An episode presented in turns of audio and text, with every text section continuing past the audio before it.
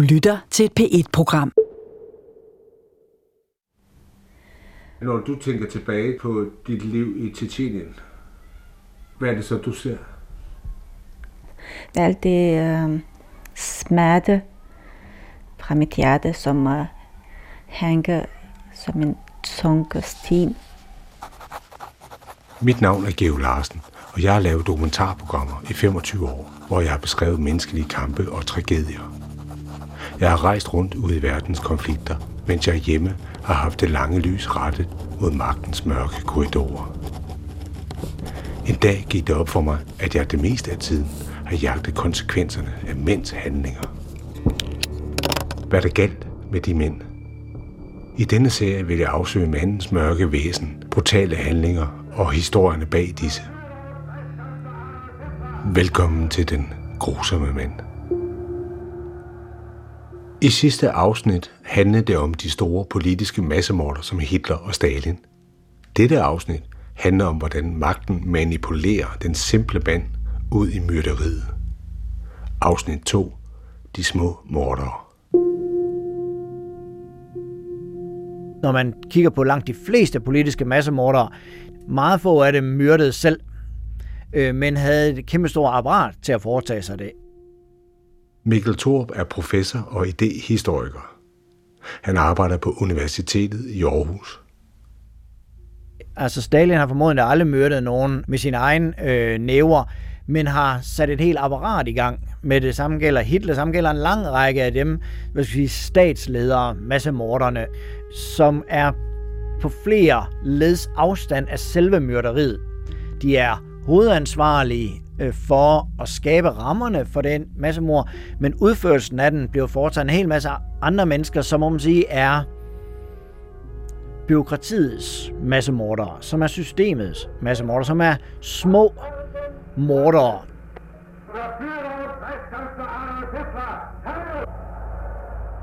Jeg så billederne for første gang i folkeskolen, og stadig den dag i dag føler jeg et stort ubehag, når jeg ser dem igen. Hitler, der holder brandtaler foran tusinder af mennesker på det gigantiske stadion i Nürnberg.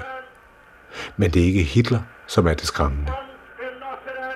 Det er derimod de tusinder af tyske mænd, der kigger mod den lille mand med overskæg, nærmest i ekstase. Hele koreografien med snorlige rækker og havede menneskearme, der går i vejr på samme tid. En fortryllet menneskemængde. Man kan til nød forstå hvad skal jeg sige, et mor foretaget i effekt. Fordi vi kender alle sammen til at blive enormt vrede og komme til at sige og gøre ting og sager, som vi normalt ikke ville gøre, som overrasker os selv, når vi lige kigger bagud, men vi kan godt mærke, at vi blev ramt af en følelse, som fik os til at handle.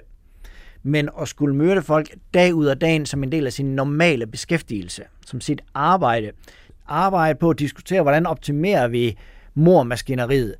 Massemordets banalitet, dets hverdagslighed, er, synes jeg, er for mig at se en af de mest grusomt uforståelige øh, momenter i det her. En ubegribelighed, øh, hvor det virkelig kræver meget at gå ind i at forstå, hvordan et menneske myrder hele dagen, har gjort en god indsats, og så går I hjem og, øh, og fejrer jul med sine børn, for eksempel. Og synes, man har gjort en god indsats, og at man er et godt menneske. I et brev fra 2. verdenskrig kan man læse den østriske politibetjent Walter Matners beskrivelser af krigens vanvid, som han sender til hustruen. Dagen før i går tog os jeg del i det store massedrab. Da den første trok med, med jødiske civile ankom, rystede min arm lidt, da skydningen begyndte, men øh, man vender sig til det. Da den tiende ladning ankom, sigtede jeg allerede mere roligt og skød sikkert på de mange kvinder, børn og spædbørn. Jeg tænkte på vores to børn hjemme, som disse hårder ville have gjort det samme ved, bare 10 gange værre. Den død, vi gav dem, var en god, hurtig død sammenlignet med den helvedes tortur, som tusindvis oplever i russernes fangekælder. Spædbørn fløj i en stor bue gennem luften, og vi skød dem i luften, før de faldt ned i hullet og ned i vandet. Lad os udrydde det afskum, der har kastet hele Europa ind i krigen. Altså det er, selvom jeg har læst det mange gange, så øh, gør det mig altid sådan helt lamslået og, og skidt tilpas. Kombinationen af at vide, at det er et brev til en ægtefælle, og at der er den faktuelle grusomhed i det, den beskrivelse, der er i det, øh, er, er helt forfærdelig. Men for mig er det mest forfærdelige, det er tanken om, at han har skrevet det her brev med tanken om, at hans kone vil synes, han gjorde en god indsats. At det her, det var den rigtige måde at handle på. Det vil sige, det at han dræber spædbørn, der kommer flyvende gennem luften, er en god måde at, øh, at agere på. Det er en god ægte mand, hun har. Og hvis hun har læst, at han var et godt menneske, det er det, den tanke forfærder mig. Send et brev hjem til en, der ikke deltager i krigen, som ikke er en del af fronten, som ikke er en del af hele det sæt mormaskineri, fortæller mig om den, den bredere ideologiske ramme, hvor inden for noget så grusomt som at beskrive massemyrderiet af spædbørn som en teknisk manøvre, som noget, man først ryster man lidt på hånden, og så bliver man meget bedre til det. Som en helt teknisk ting, fortæller om, at et, et menneskesyn, som vi kun, tror jeg, kan nærme os, vi kun nærme os forståelsen af, hvordan det er at være på indersiden af en tankegang, hvor man kan sende et brev hjem til sin kone omkring de her ting, og hvor begge parter synes, at, øh, at det er en god ting.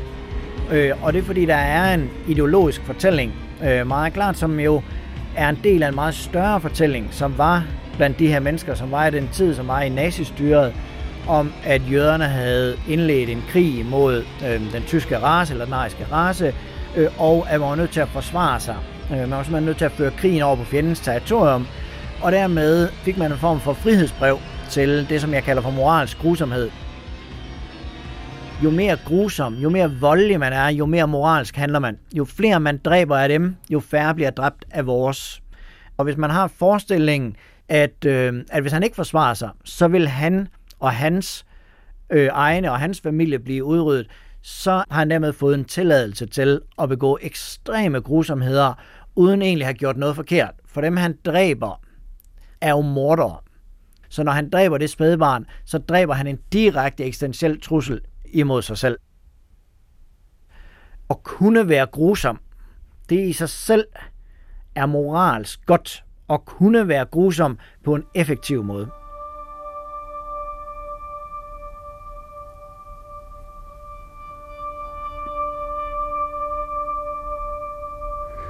Altså min far, han sagde til mig, da jeg var lille, hvis alle folk rendte panden mod en mur, vil du så også gøre det? Pointen var selvfølgelig, at det skal man ikke gøre, men når jeg tænker over det, så, så er jeg sgu ikke sikker på, at man ikke vil gøre det, hvis alle andre gør det. Læge, Ph.D. og psykiater Christian Legin. Hvis du pludselig er et sted, hvor der er autoriteter, og der er et samfund omkring dig, der siger, at det er det, det, er det rigtige, så, så vil de fleste have en tendens til at følge den retning der, og begive sig ned den vej. Jeg tror, det ligger meget dybt i os alle sammen, at vi kan foretage grufulde handlinger, hvis omstændighederne er til det. Hvis man skal have sådan et billede på det, hvor foranderlige vi er, øh, der kan jeg huske på første semester, eller det første år, af medicinstudiet, så det afsluttes så af det her dissektionskursus. Det der med at blive præsenteret for, for lægemestele af afdøde, det bliver man sådan lidt introduceret til i starten. Stille og roligt, så får man først en hånd, som læreren viser frem, og man snakker om det, og man kigger på de forskellige anatomiske dele, og muskler og nerver og knogler osv. Og altså i løbet af et år, så slutter man så med, at man selv skal dissekere et lig. Så står man nede i kælderen i en dissektionssal, hvor der er været 10 borer eller sådan noget. Og så dissekerer man så de her afdøde. Men det, der slog mig, da jeg kiggede op der en dag, det var, at der var ikke nogen på min årgang, altså ikke nogen på mit hold, jeg havde ikke hørt om nogen, der havde haft nogle problemer med det her der ikke kunne gennemføre det, eller øh, talte om det som om, at det var noget, de skulle overvinde, øh, eller at de havde nogle moralske skrubler, eller på nogen måde egentlig havde et problem med det der. Altså et år tidligere tror jeg, at de færreste bare havde stillet sig op og skåret i en død person. Og i løbet af et år, der var vi alle sammen derhen, hvor at det her, det, det er noget, vi bare gør. Og der, der slog det mig alligevel, hvor, hvor hurtigt man kan vende folk ind i, i en ny opfattelse af, hvad man før havde en kæmpe modstand imod. Nu er der jo ikke noget ondt i det her, kan man sige. Men jeg tror, at man i mange andre, for eksempel forestiller jeg mig i Nazi-Tyskland og andre øh, Sovjet og andre regimer, at man på samme måde forholdsvis hurtigt kan blive indrulleret i en logik, der gør, at, at de ting, som du dagen før havde sagt, at det kunne jeg aldrig finde på at gøre, at den, de kan blive bearbejdet forholdsvis simpelt, sådan så det føles naturligt for dig, og, og du har en overbevisning om, at det er det rigtige, og det er det, der skal til. Og det gør måske lidt ondt, men det er det rigtige, og derfor gør jeg det, og tager mit ansvar på mig. Og hvis du i det her drysser bare en lille smule blod, en lille smule, hvor at der er en, der skyder nogen i øh, krudtønden herinde og i synagogen, så kommer alle de her grupperinger frem. Hvem er de? Hvem er os? Hvem er det, der truer os? Hvem er vi egentlig? Øh, hvem er det, vi bliver angrebet af? Man stemler sammen. Man er reddet til at gribe til våben for at beskytte sig. Og hvis det her så eskalerer, så ligger det meget tæt på, at man kan gribe til en masse handlinger, som man ikke har, altså kan gribe til vold over for folk, men hvor det ikke er bevist, og man ved ikke med sikkerhed, men fordi at, at det, man er så fanget i sine følelser, så er, er jeg overbevist om, at, at mange vil kunne begå mange handlinger, som de ikke troede, de ville gøre i dag. Altså vi kender jo sådan noget øh, hjemme nabostridigheder, ikke? Altså over et træ, der vokser ind over hækken. Øh, for helvede. Eller øh, sådan road rage, altså hvor sure folk kan blive, øh, stemme, gå ud af deres bil og råbe og skrige, fordi man kører for langsomt, eller ikke har blinket, eller et eller andet. Det ligger lige under overfladen, de der ting, men, men der er lige, altså, man skal drypper de rigtige steder, trykker lige på de rigtige knapper, så kan tingene ændre sig forbløffende hurtigt. Det er almindelige mænd, der følger lederen og går forrest ind i konflikter og krige, med en overbevisning om, at de har sandheden på deres side. Men hvordan er det at stå over for disse mænd inde i krigen, at være civilist og magtesløs?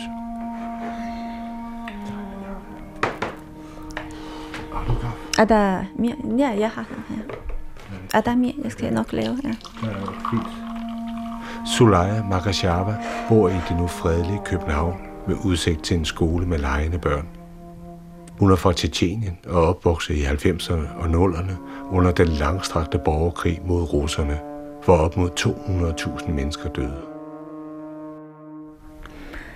Da krigen startede, jeg var 20 år, det mine øh, bedste ord bliver talt fra mig, vokser op i øh, krigen, kaos.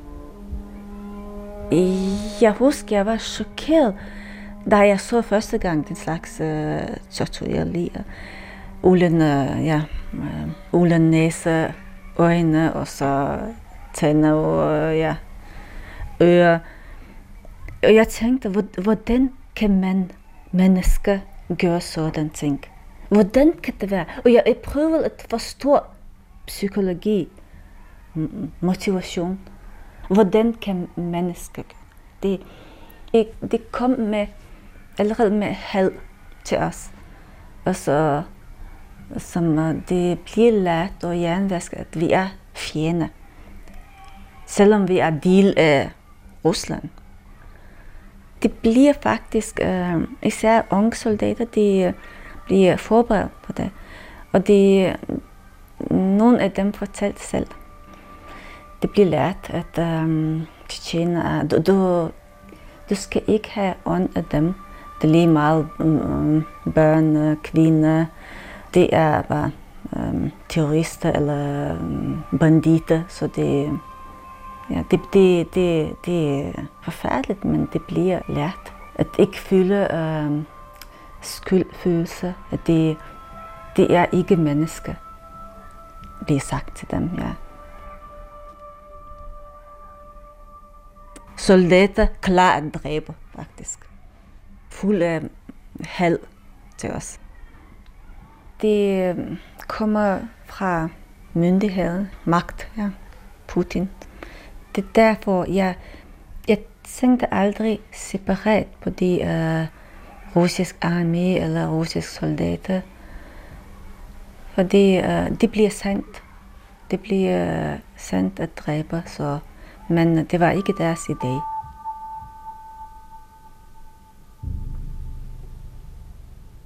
Mikkel Thor, idehistoriker. En af grundene til, at man kan stå i en situation, hvor man er den voldelige og finder mening og måske endda glæde i det, øh, som er noget af det, nogle, af, nogle af de fortællinger, vi har fra koncentrationlejrene, fra øh, Gulag-øhavet, og som vi har fra jo fra alle mulige krigsfortællinger. Der har vi jo fortællinger om mennesker, der med stor glæde og fornøjelse, med et smil på læben og med anerkendelse for deres kammerater udøver grusomme handlinger skærer øret af fjenden, voldtager, torturerer. Vi har en masse fortællinger, hvor det er helt tydeligt, at der er en glædesdimension ved øh, voldshandlingen, og som ikke kun ligger i krigshandlingen, hvor man er fyldt med adrenalin, og livet har været på spil. Man kan også være, hvis man er fængselsvagt eller koncentrationslejrvagt, hvor fortællingerne om små bitte grusomheder og med små bitte mindre, er selvfølgelig ikke, at det ikke er grusomt og forfærdeligt for dem, det gik over, men det er, at det sådan er hverdagsagtige grusomheder, hvor det er helt tydeligt, at nogen har finder stor glæde og fornøjelse ved at fornedre andre mennesker. At der ligger et behov for at føle sig sikker, for at føle sig mægtig i sit eget liv. Og mange af os lever jo liv, hvor vi er omgivet af regler og procedurer og små nedværdigelser eller usikre arbejdsvilkår. Hvad nu, der er masser af måder, hvorpå det nogle gange kan være svært at have en meget klar og sikker og stærk fornemmelse af sig selv som mægtig, som autonom, som myndig, som sin egen voksne, om jeg så må sige. Fordi der er så mange sammenhænge, vi er i, hvor der er andre, der bestemmer, og hvor vi får at vide, at vi egentlig ikke er så meget. Og her er der bare en situation, som er perfekt designet til, at nogle mennesker, der i dagligdagen ikke føler sig som verdensmestre, de får muligheden for at lege med forestillingen om at være det ved at ydmyge andre mennesker. Der er en glædesdimension forbundet ved at stå ovenover andre mennesker. Og en måde, hvorpå man demonstrerer, at man er højere, bedre og vigtigere end andre, det er ved at få dem til at fornedre sig. Det ved, at man får dem under sin fod, om det er ved, at man får dem til at gøre nedværdigende og ydmygende ting. Der er en glædesdimension, som heldigvis de fleste af os ikke bruger og udøver, men som ikke desto mindre er der. Og måden, man kan overbevise sig selv om, at man er verdens bedste, og de andre er verdens værste, det er jo ved at få dem til at gøre noget helt forfærdeligt. Det er ved at stable dem op nøgne, eller, eller få dem til at pisse på sig selv, eller hvad det er, alle de der forfærdeligheder, som man kan øh, få folk til, som er en måde at demonstrere sin egen mægtighed på over for nogen, man betragter som ubetydeligheder. Nogle af de billeder, vi jo mange af os har på netheden, er fra Abu Ghraib-fængslet i Irak, det amerikanske torturfængsel, hvor meget af det, de gjorde, de der fangevogtere, det var jo at ydmyge, uden nogen som helst form for formål. Ikke, der var ikke noget afhøringsformål, men det, de brugte det meste af deres tid på, det var at ydmyge de her mennesker, og det var tydeligvis, også fordi de tog billeder af det selv, at de havde det skide sjovt. De morer sig helt gevaldigt med at ydmyge øh, de her mennesker med at føle sig som verdensmestre øh, over for de her mennesker, som de føles var undermennesker.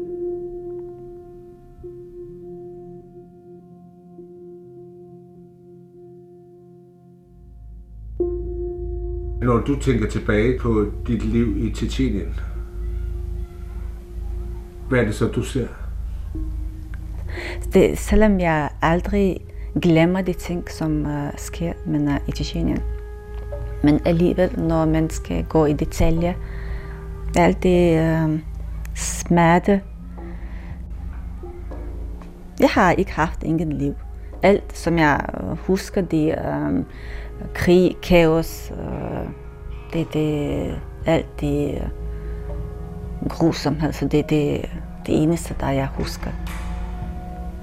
Kidnapning. Og øh, skyderi, døde folk. De øh, destruerer øh, boliger, ja, huse, så gaderne var også med store huler fra bomber og alt alt var i sort grå farver. Også inde i mig, der var sort grå. Øh, dengang, ja. Øh, Grosny. Og min hverdagsliv. Og så de, de folk, deres, øh, som ligger død på gadene. Mm. Børn, døde børn, altså det, det var værste. Det er meget svært at uh, huske, hvilken år eller måned, fordi det altid var så grå og sort. Alle de uh, ruiner omkring mig, uh, uh, mod. Så det, det, min skov var altid uh, beskidte mod. Ja. Men det var via det, da vi uh, så uh, dræbte, tortureret. Nogle gange de, de vi så der folk eller slætninger samlet et stykke af kød af deres kære.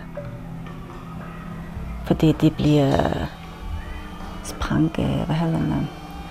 Spankeluften, det bliver ja, spankeluften, ja. Og så de øh, gik rundt og samlede et øh, øh, stykke kød.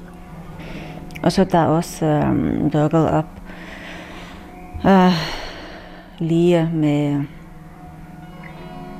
uglene, øjne, ører øh, næse eller, eller ulen hoved.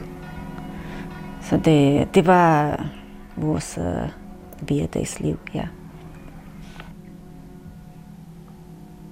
Noget af det, som også er historien omkring de her massemord, det er jo, at der rigtig tit er folk nede på jorden, ude i øh, landsbyerne, inde i fængslerne, inde i koncentrationslejrene, øh, ude på slagmarken, som man sige, går længere ind. Og igen, det er jo ikke for at tage skylden fra øh, folkene i toppen, men der er også et, et, et mere aktivt medløb, eller en acceleration, der sker nede på, på jorden.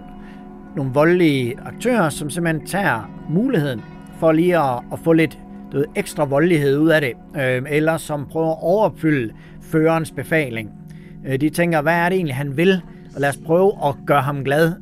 Prøver også dermed at placere sig selv i en fordelagtig position, eller som prøver, som er igen som er optændt af den hellige ild, eller optændt af karriereinteresser, eller bare finde ud af, at de virkelig, virkelig godt kan lide at myrde mennesker. Øhm, så hvorfor stoppe nu, hvor vi har fået at vide, at vi skal stoppe, hvorfor ikke bare fortsætte? Som er, at når man først har myrdet 10, så myrder man også 100. Øh, og når du først er gået i gang, så fortsætter du simpelthen. Så tager du også den næste landsby. Fordi folk tager det på sig øh, og, og begynder at løbe med, med det, øh, det voldelige projekt eller med den befaling, øh, de, øh, de har fået. Jeg har mistet mange venner og slætninger. Og så, og så ja, fra min familie, ja. Min søskende. Og øhm, jeg har mistet tre brødre. Min øh, ældste bror, han, øh, han bliver øh, skudt med sniper, ja. Og min bror bliver øh, fundet af lokale folk. Ja, han bliver fundet om øh, tre dage, tror jeg. Og det var en øh, maskrav, så det, der lå øh, tre lige. Øh, min bror, hans Øh, marker, og, og så der var en, han, hans liv var lidt ældre. Ja. Han var skalperet. Ja, han så forfærdelig ud faktisk, ja. Men øh, ja, det bliver tatoveret og så skudt. Altså, du har to brødre, du ved med sikkerhed er død. Og så har du en, der er forsvundet. Ja. Men venter og venter og venter, ja. Og tænke på det hver dag. Ja. Tænke, hvad, hvad sker med ham, og hvor bliver han af. Hvad har det gjort med ham? Han blev taget af, af russerne? Ja. Den, øh, det så ud, at de ville have penge, ja. Men også min øh, far siger, at øh, han har penge, han kan sælge hus og alt, som hvad vi har. Men øh, jeg tror ikke på det. Men øh, forældre, de, de har håb, tror jeg, at de vil finde ham en dag, og eller han kommer tilbage. Så, ja. De har sådan en tanke, ja, men det har jeg ikke. Jeg er selvfølgelig sikker på, at han er, han er der. Han bliver dræbt, ja.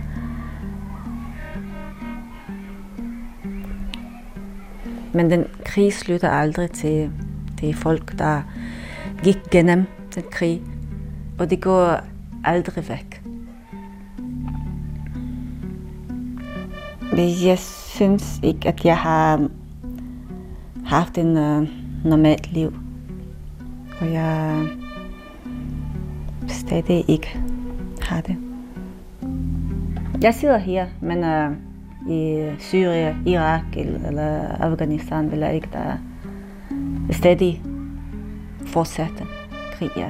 Det, det, imens vi sidder her og snakker, der er nogen, der, jeg ved ikke, uh, under tortur, eller via uh, øh, sekunder, minutter bliver dræbt eller tortureret i nogle steder i verden. Så det, ja, det, det, det er meget uh, svært at holde ud for mig.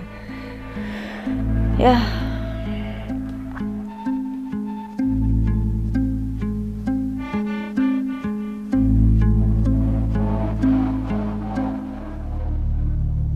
I næste afsnit handler det om den voldelige mand. For øretæver til bandevold. Og spillefilmens dyrkelse af den mandlige brutalitet. Serien Den grusomme mand er tilrettelagt af Geo Larsen. Du kan finde alle P1-programmer på dr.dk-p1. Det giver mening.